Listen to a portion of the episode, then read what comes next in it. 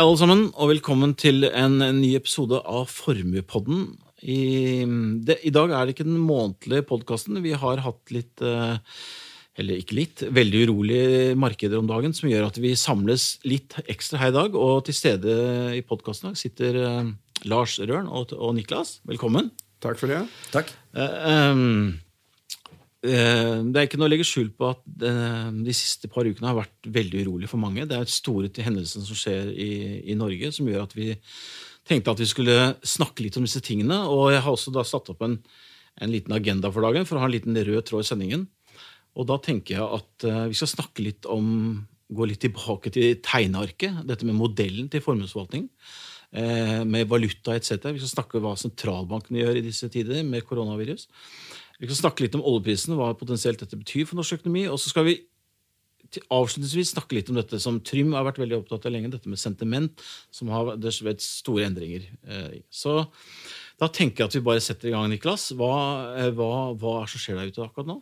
Det er jo veldig ekstraordinært. Eh, det her er jo noe som oftest påvirker markedet. Det er jo det som er vi inte tänker kan hända, det vill säga noe oväntat. Eh, det är inte oväntat oväntat för att vi har pratat om att det finns en trussel om virus eller pandemier och sånt tidigare. Eh, det har ju varit diskuterat, men eh, nu har vi en hos oss, en som är allvarligare som har i og for seg brøt ut nesten rundt årsskiftet i Kina.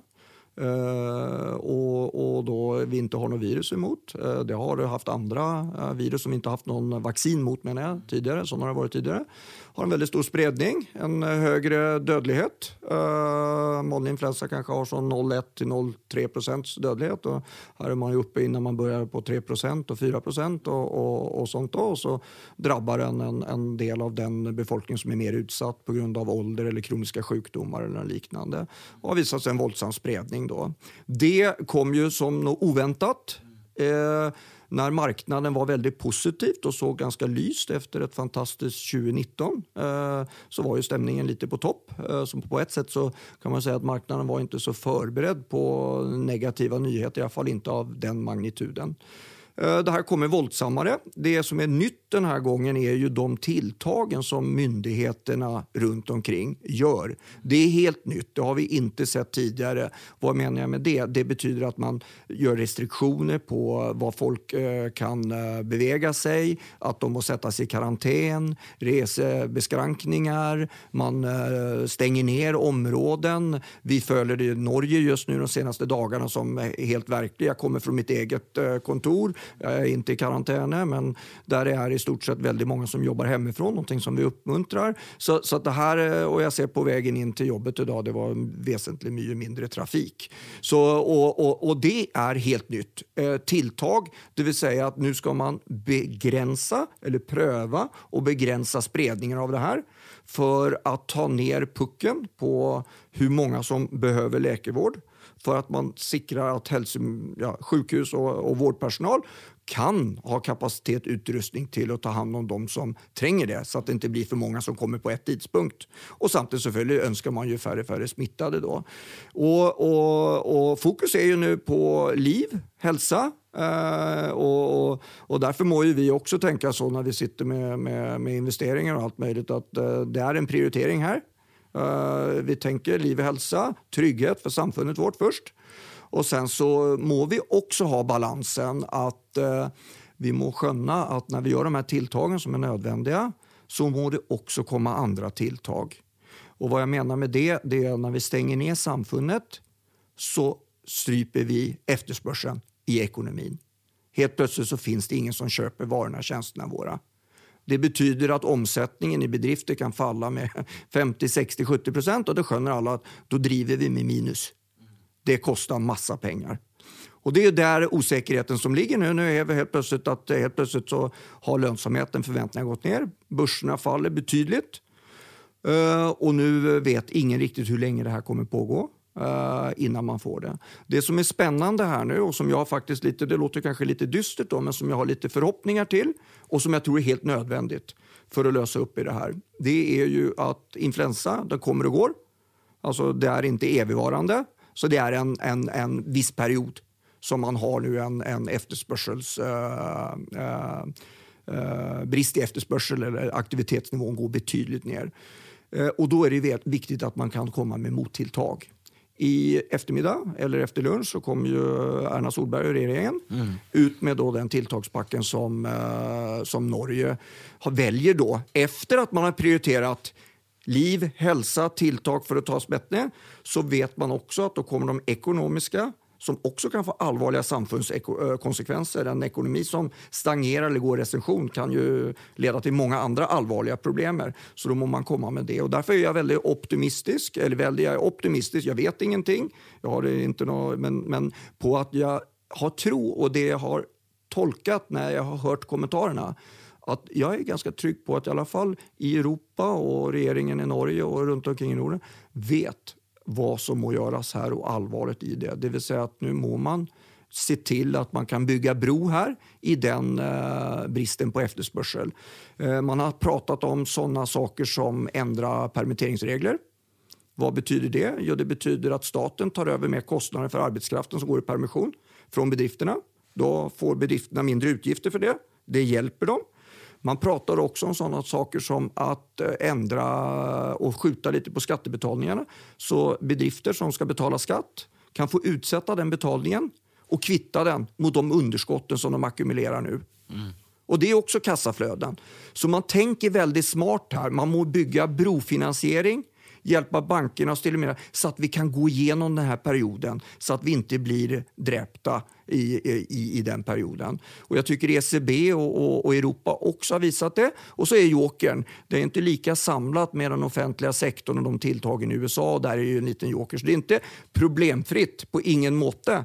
Men, men det finns eh, tilltag här som jag tror vi kommer bli tydligare tydligare framöver. Men just nu är det först liv och hälsa som, mm. som gäller. Altså, Lars, dere, dere, sitter jo på en måte i, eh, med et stort ansvar innen, inn investeringsavdeling og kjenner sikkert på dette her nå. Og, og, og, kan ikke du snakke litt om dette med den modellen til formuesforvaltningen har bygd opp over lang tid med lang kompetanse? Eh, hvordan kjenner, hvordan kjenner dere på dette her nå? Ja, Det er eh, nummer én, eh, Tom. At dette, dette, dette, følger vi på. For vi tar våre kunders midler på alvor. Høyeste alvor.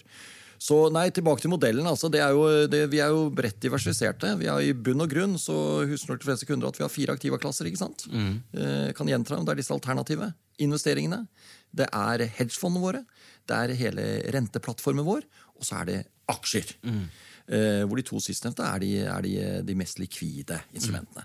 I vår modellportefølje, vår hovedanbefaling som vi gir til hver kunde, så ligger de spredd inne i en, i, visse, i en eller annen grad, en eller annen vekting, innenfor disse fire. Normalt sett. Noen mm. velger noe bort, men normalt sett. Mm. Og det er klart, Da får vi en, både en veldig Vi, vi spres på hele finansmarkedet, hele selskapsuniverset, mm. og i alle mulige egentlig, varianter av eh, investeringsalternativene. Og vi gjør det på en global plattform. Mm. Så det betyr at på, nå kan jeg i si når det er krise, og du ikke helt vet hvor det går, så spre deg. Det er regel nummer én. Diversifiser deg. Så det er det som sier kanskje den eneste lille, den gratis lunsj som finnes der ute nå, det er den der med diversifisering. Mm. Den, er, den, er, den, er, gratis. Den er bra for å få best mulig risikojustert avkastning. Gjort det rett! Og vi mener vi har gjort det rett. Så mm. vår modell, Tom, den, den skjermer jo eh, veldig mye i, de, i, den situasjonen vi har nå. At vi ikke ligger veldig spisset mot noe. Som f.eks. en ren norsk eh, egen eh, investor gjør, hvor de ligger kanskje veldig mye mot rene aksjer, og bare i norske aksjer. Da ligger man veldig spisset. Det koster noe. Um, I 2014 så tok jo eh, Vi må helt tilbake til da for å, for å komme tilbake til dette med hvilke valg dere gjorde når dere snakket om dette med diversifisering. Lars. Og da tok jo dere et aktivt valg nettopp å, å ha veldig liten del av porteføljen i Norge. Eh, kan du ikke fortelle litt om det, Lars? Ja. Eh, I høsten 2014, etter litt arbeid Dette var før min tid, men jeg kjenner til arbeidet som ble gjort og, og stiller meg veldig bak det. Da Basert på at uh, vi driver med den, eh, den, den frie finansformuen for, for, nordmenn. i bunn og grunn. Så har vi det samme i Sverige da. ikke sant? Men da er det basert på at uh, våre kunder i til stor grad så har de alle sine andre inntektskilder og aktiva i, i, i, i Norge eller respektive Sverige. ikke sant? Sine inntektsstrømmer, sine eierskap, de har for sin familie, sin helse, de har sin pensjon. Alt. Og det ligger da i, i, i, i det landet de gjør hjemme. Og det ligger i den lokale valutaen. i kronene. Og Da sa vi, tok en til meg at med, med, med finansformuen så anbefaler vi da å ta større andel av den globale veksten og verdiskapningen med den. Og samtidig sa vi også at eh, vi anbefaler under normale omstendigheter Det kan jo variere fra kunde til kunde, men under normale omstendigheter ligger da også i åpen valuta. Det betyr at ikke sikre deg. Og Hva er bakgrunnen for det? For å forklare dette enkelt, så er det jo sånn at når ofte for Norge og Sverige, som alltid alt er ganske små økonomier, så er det sånn når det blåser litt rundt i verden, og vi ser jo det nå, mm. så rammer det små økonomier, og for Norges del spesielt også det med oljepris, som vi skal snakke om senere. Mm. Og da vil man se at da ser man at den norske kronen blir svakere som en konsekvens av det. Og over tid vil jo det redusere i minsket kjøpekraft mm. for nordmenn. Det blir rett og slett importert inflasjon. Varene utenfra blir dyrere. Motposten til det da blir jo at du har hatt en litt bedre avkastning på dine aktiva som har ligget i åpen valuta. For der får du fordelen av når du veksler dine dollar investert tilbake til norske kroner, at de blir mer verdt i norske kroner. Så da får du litt mer å bruke på den måten. Så det er bakgrunnen for dette med valuta. Men fra og med høsten 2014 så har vår hovedanbefaling vært det vi kaller vårt hovedfond innen aksjer, heter Nordic Equities, og Global Equities, mm. globale aksjer. Så, eh, men vi har et tilbud av norske fondsløsninger som er eh, til gode priser og alt, og, eh, og sammensatt i en anbefalt portefølje, eller ikke en anbefalt portefølje, men en kvalitetssikret portefølje. Men det utgjør veldig liten andel av vår, eh, vår, vår business mm. i dag. Så flesteparten av våre kunder har fulgt vårt råd og ligger i denne nordisk, eller Nordic Equities-fondet og i Global Equities-fondet. Så det er bakgrunnen. Norge utgjør bare 0,4% av verdens BNP, og Oslo Børs er omtrent 0,3-0,4% av verdens børsverdier. og Derfor sier vi hvis du skal ta del i hva som skjer rundt i verden, så må du gjøre på den måten vi anbefaler. Mm. Og, og, Før vi startet sendingen, uh, Lars, så snakket vi også eh, hva dette betyr i, i tall. da. Ja. Og da syns jeg at eh, det må, forlåt, må, være lov å gi noen gode nyheter på en, på, på, på ganske trist børsklima. Kan ikke du bare gi oss litt av tall på hva det faktisk gir i, i forhold til valutaen, hvor, hvor mye det har betydd i avkastning? Ja, det er klart. Først vil jeg si at vi er jo ikke, selv om hvordan vi tenker med bredt og globalt, mm, vi er ikke mm. skjermet for det som skjer i hele tatt. Det har vært en, eh, og det har vært så brått, vet du, Tom. Dette her, altså, alt er på en måte skjedd nå over en, egentlig en måneds tid. Mm. Alt så bra ut egentlig fram til starten eller midten av februar. Husk det, rundt, rundt, rundt, midten, Da var det ganske mm. fint. Vi hadde nettopp hatt litt problem med en general i starten av året i, i, i Iran ikke sant? Eh, Sulmani. Og eh, oljeprisen var på vei opp. Den var jo 70-75 dollar, og Oslo Børs blomstra litt. Mm. Vi hadde jo globale sånne høynivåer på indeks og mange enkeltaksjer så sent som i starten eller midten av februar. Mm. Vi må ikke glemme det. Så det viser hvor brutalt dette her har vært. Men akkurat det med valuta, når norske kroner er blitt så ekstremt svak Bare i går i går så, så jeg at norske kroner falt altså over 4% mot dollaren. Og 3% mot euroen. Men eh, dette akkumulerer seg opp over nå hittil i år, så har det betydd som for våre globale aksjer, om du ligger i den usikrede klassen, så har du ca. 11% bedre avkastning, 11 prosentpoeng mm. bedre avkastning enn den valutasikrede klassen. Mm. Og i Norden er det sånn ca. 8% det mm. samme betyr. Mm. Så det er, og dette er ikke bare flaks. Nei. Dette er en gjennomtenkt litt sånn hedge-tankesett mm. fra vår side. Dette med at vi ligger i, eller anbefaler eh, usikkerhet. Vi har også det andre tilbudet, men det er ikke det vi anbefaler, men vi har det for de kundene hvor det kan eventuelt passe. Mm. For det er jo mange kunder som har andre inntektsstrømmer fra virksomheter i utlandet. og slike ting. De må kanskje tenke på en annen måte når det gjelder inntektsstrømmene fra finansformuen. Mm. Dette avdekkes jo nettopp i den der formuesplanen vi legger, mm. den praten vi har med kundene, som munner ut i en strategi for å mm. få en endelig risikoavdekning og en endelig portefølje. Mm. anbefaling. Så dette, dette, er individuelt fra kunde til kunde. Men hovedanbefaling på generelt basis er usikkerhet. Mm. Og det har lønt seg veldig i år. Nemlig. Du, eh, tilbake til innledningen, eh, Niklas. Så, så, alle disse tingene du snakker om med tapte inntekter og eh, tapt etterspørsel etc så har vi, så, har vi tross alt da, Vi skal over på neste tema, dette med sentralbankene. Sentralbankene gjør nå det de kan for å prøve å stimulere. Eh, vi har sett senest i dag at Norges Bank har gått til et uvanlig grep, vil jeg bruke ordene, og sette ned renten en halv prosent. Eh, vi ser det samme ute. Eh, hva, hva tror du sentralbankene kan bidra med her nå? Eh, ene alene så kan de bidra med litt. Eh, men ikke så mye som eh, de normale fall kan bidra med når vi gjennomgår situasjoner som dette eller liknande. Der man da får en eh, negativ overraskelse som påvirker ekonomin drastisk, som krever stimulativa tilltag. Eh, vi har jo redan prøvd masse, for vi har senkt renten tidligere. Vi har prøvd det med ekstraordinære kvantitativa lettelser, vill säga lite folkligt ta trycking av pengar eller at man, sentralbankerna köper finansiella tillgångar for å få ned lånekostnader til bedrifter for å prøve å, starte starta ekonomin. Men det, det är, ju, är ju många verktyg der som redan er brukt opp mm. i, i verktygskassan.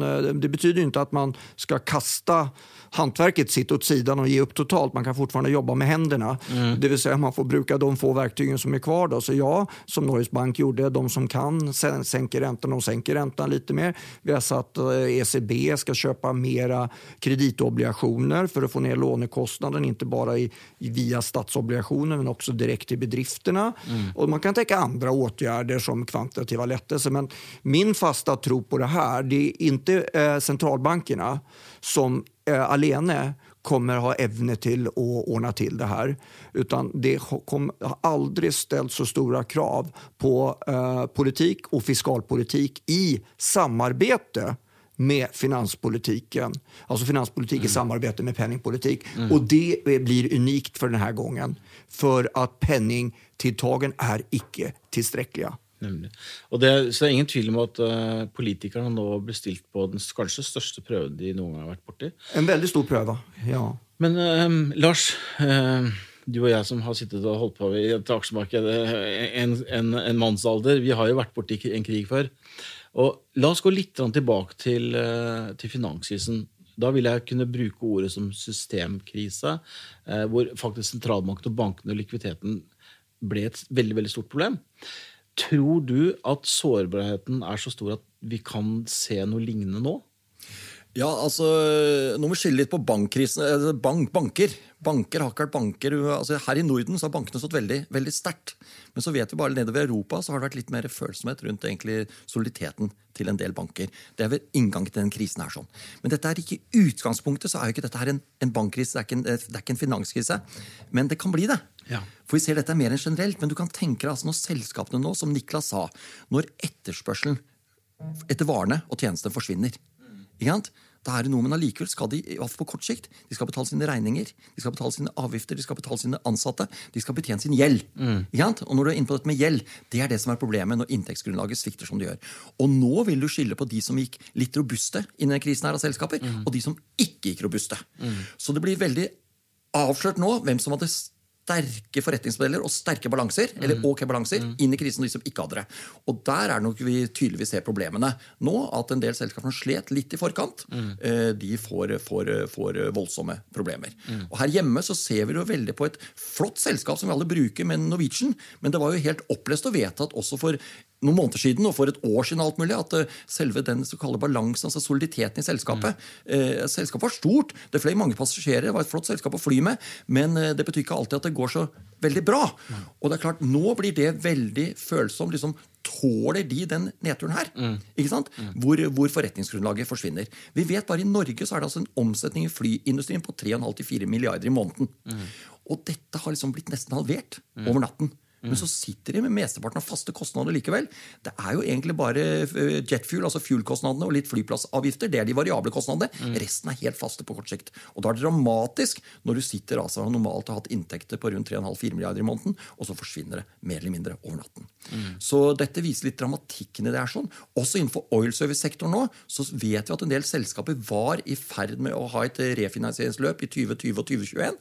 Det er klart det blir ordentlig vanskelig nå. Dels at bankene eh, knapper litt inn på, på hvordan de ser på ytterligere gjeld. Mm. Dels at egenkapitalmarkedet har tørket litt inn for det greiene der. Og samtidig ser vi at egentlig grunnlaget for businessen deres ved at oljeselskapene, som er oppdragsgiverne, får en tynnere pengestrøm.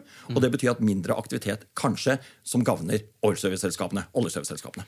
Så vi ser, Dette er liksom den perfekte storm for en del av de selskapene. Kom på maks uheldig tidspunkt. Og Det er vel litt sånn det som ofte skjer, at det, alt skjer på en gang. Alt blir gærent på en gang. Men eh, som en siste kommentar til dette med bankene det, det, vi har jo eh, bankene, de nordiske og europeiske bankene, har jo blitt påført et veldig veldig strengt regime eh, de siste årene på bakgrunn av hva de lærte i finanskrisen, som gjør at eh, disse TIR-kravene, som de, det er litt komplisert ord, men kapitalkravene til bankene har jo blitt kritisert fordi de har vært veldig høye. De er oppe i 17-18% nå. Og det kan vi vel kanskje takke for nå. At vi kan se at de, de nordiske bankene antageligvis kommer til å stå veldig sterkt, forhåpentligvis, gjennom eh, den uroen. Altså, bufferen er mye større nå enn hva den var i 2008. Ingen kommer kritisere at man har forsterket de kravene til bankene Så, nå, som det ser ut nå. så det, det, det er bra. Men vi, tiden løper litt fra oss. Vi må litt over til oljeprisen. Det er vanskelig å ikke snakke om det, selv om i formuesforvaltningen så er en veldig liten andel av porteføljen i akkurat den sektoren. Så er det, det påvirker veldig mange i Norge. Hva var det som skjedde over natta, over helgen, skal jeg bruke det ordet, her forrige mandag, Lars? For det var Ja, la oss bare, bare helt fort gå tilbake til egentlig bare fort eh, 2014-2016-situasjonen. Etter det, Da falt jo egentlig etterspørselen dramatisk. Olje. Eh, OPEC, med hjelp av Russland, eh, det som nå er definert som OPEC pluss, de kuttet. I perioden, den perioden fra 2014 til 2016 og deretter så ble det kuttet totalt en sånn 4,4 millioner fat om dagen fra den grupperingen. Det eneste vi så de oppnådde, var at prisene ble holdt høye, og så så vi at tilbudssiden fra andre økte med 5,7 millioner fat. Så det de kuttet, ble kompensert fra andre og litt mer. Spesielt i USA. Spesielt USA ligger jo der sånn. Ja, Fire av de der 5,7 ligger fra USA. Amerikansk skiferoljeproduksjon.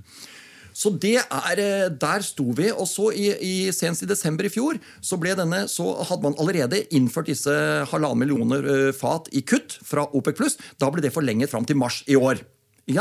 Og det var den avtalen pluss ytterligere kost, nei, kutt som nå ble tatt opp på dette møtet på torsdag-fredag i forrige uke. Ikke sant? Og, eh, og da satte Russland foten ned og sa at vi vil ikke være med på ytterligere kutt, og vi vil heller ikke være med på å forlenge eh, OPEC pluss-avtalen fra desember utover mars i år. Det betyr fra 1. april så foreligger det ikke noe avtale. Saudi-Arabia kontret da, allerede på lørdag, med å starte med å annonsere store rabatteringer på sine leveranser til egentlig globalt, både til USA, Europa og Asia for april og deretter. Så de vil ta tilbake markedsandeler. Da var priskrigen og volumkrigen i gang. Og det resulterte i at når eh, oljemarkedet åpnet øh, utpå søndagen, ganske sent på søndagen, da så vi det enorme fallet også for brentoljen som skjedde da. Hvor jeg tror mange fikk sjokk når det var liksom ned mot, og mot, eh, mot, 30% eh, mot eh, 35 dollar. Man trodde ikke hva man så. Men det var reaksjonen. Alle skjønte her at fra april så kommer det en flodbølge av olje hvis det stemmer hva som nå skjer, og hva som sies. Og dette kan ikke håndteres. De eneste aksjene da som riktignok responderte positivt, for olje må lagres når det ikke finner sin havn. Altså Enten må det finne sitt eh, raffineri, eller så må det finne et lager. Men alle andre lagre er fulle, og blir det fort, da er det tankmarkedet med flytende lagre. Derfor stakk egentlig tankratene opp. Og helt fram til i går så var jo tankaksjene opp nesten hver dag. Men i går sto heller ikke Frontline for eksempel, imot. Nei, jeg så det. Så det er egentlig bakgrunnen, og her står vi nå. at vi, Det er bare noen uker til at denne avtalen går ut. Og vi venter egentlig strengt tatt en flodbølge av, av olje eh, kommer ut i markedet. Og det er det som egentlig har resultert i at oljeprisen falt, og at den har falt ytterligere, og at noen snakker om at den skal ned på 20-tallet. Inklusiv hva Rysta selv, eh, rådgivningsselskapet Rysta, var ute og sa i går og i forgårs. Rystad sa faktisk på onsdag og torsdag at uh, han mente at uansett kutt på 1,5 millioner ikke var nok. Nei. For at det er et spørsmål er 4-5 millioner. Ja, Du måtte ha mer, og det var det Saudi ville ville med Russland. Og Russland sa nei.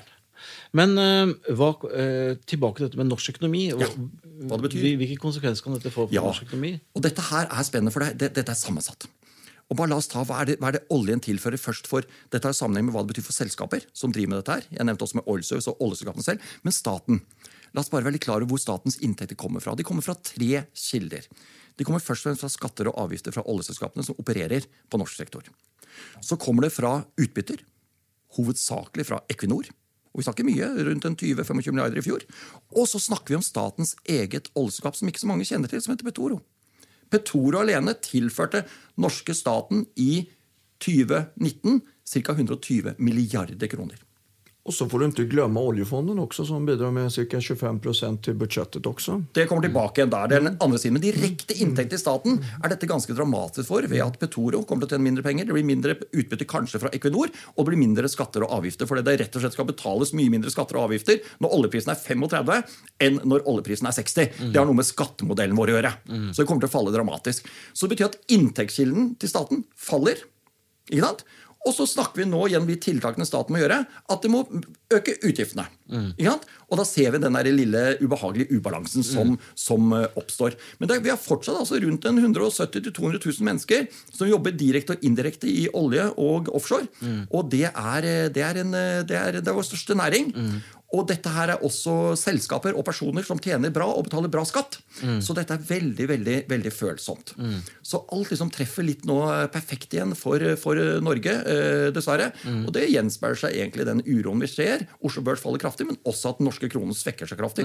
Utlendingene ser dette her, og dermed sender de den eh, norske kronen blant annet, så ned, eh, litt ned i kjelleren, føler vel vi.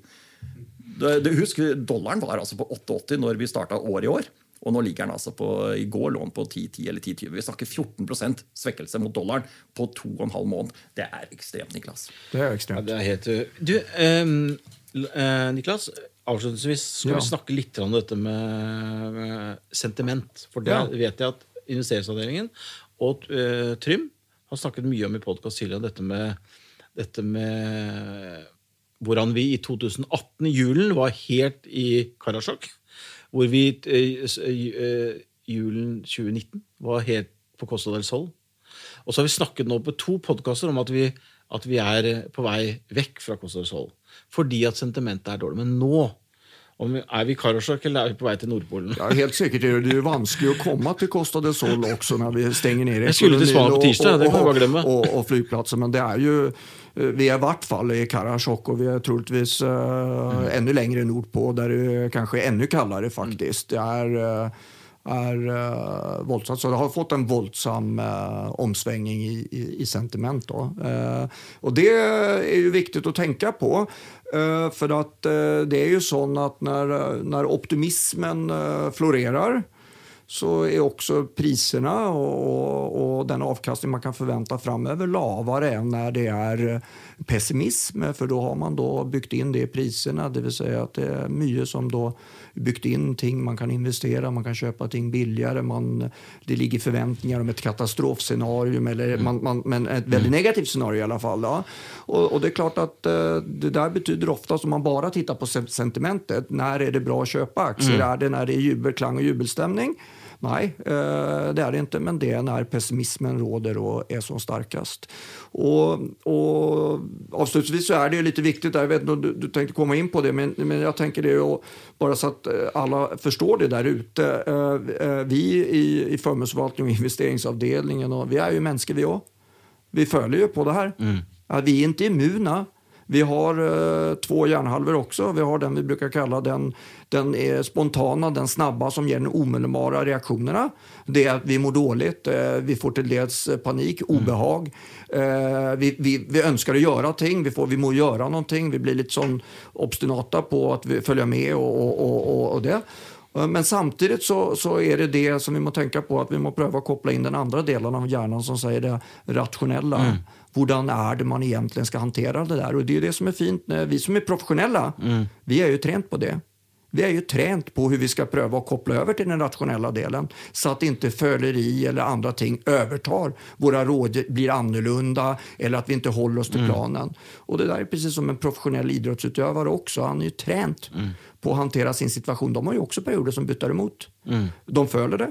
Och vi følger det også. Så det må vi jobbe hele tiden med hvordan skal man rationellt forholde seg til det her. For vi vet at man, om man det irrationella får styra så kostar det mye i förlorad avkastning. Eh, och Det är väldigt viktigt och det är vår funktion och det prövar vi jobba med. Och kanske därför vi sitter här också idag, för att göra det tydligt och klart. Och inte för att vi, vi bagatelliserar eller att vi tror vet exakt vad som ska ske närmsta tiden. Men, men vi har ett fundament och vi har varit igenom många kriser eh, förr och genom årtionde och århundraden och allt möjligt. Og, og, og ting eh, har en evne til å ordne seg, men det kan koste og det kan være jobbigt å stå i det. og Det, det følger vi med, og vi skal prøve å være der og hjelpe til å støtte så godt det går. Og jeg har bare lyst til Tom, bare tilføre det er sånn at Vi må ikke glemme modellen vår her. at på Ta bare vår Global Ectis-fond. da. Der er det nå elleve forvaltere. ikke sant? Her sitter det altså en, en, flere titalls flinke folk indirekte og jobber med akkurat det vi snakker om nå. Mm. Jeg regner jo med, og jeg har dialog med dem, og det skjer endringer. De prøver nå å posisjonere kapitalen sin å gjøre endringer som både skaper en viss beskyttelse mot hvis dette blir enda verre, mm. men samtidig være med med en god fart. Mm. Hvis det kommer opp igjen, ikke sant? Mm, mm. så er det en avveining de gjør. Mm. Så vi har jo alle disse her flinke eh, forvalterne vi har valgt. Og, det, og de er altså, det, er, det er nå i disse tider de viser seg fram. Og eh, det er ikke noe hemmelighet heller at iallfall PT så ligger jo vår Global Ectis-fond foran verdensindeksen. Mm. Det er ikke så mange som gjør. Ikke veldig mye, men bare det at vi helt har klart å, liksom, i de tider som har vært nå, mm. så er bildet et annet i Norden, for der er vi mye, ekstremt mye mer aktive aksjeplukkere og ligger naturlig nok med mye mer small cap og mid cap. Og det, det, rammes på en helt annen måte. Men den globale modellen vår den har klart seg veldig bra. Og jeg forventer av våre forvaltere at de gjør det arbeidet vi nå snakker om, at de ser etter mulighetene. Mm. Også i de markedene som er nå. Mm. Så det er jeg ganske trygg på. Så den har virket bra. Veldig bra. Da tenker jeg at vi, vi, avslutter med det. Og så tenker jeg vel kanskje å si at Det er jo sikkert veldig mange kunder og lyttere som er urolige. Jeg tenker at uh, Har man noen spørsmål, og sånn, så ta kontakt og send mail til uh, Ingunn. Ja, eller ta kontakt med sin rådgiver ja. eller det kontoret man tilhører, og så skal dere få svar på, og hjelp. Nemlig. Så da høres vi igjen. Ha det bra. Ha det bra. Takk for det.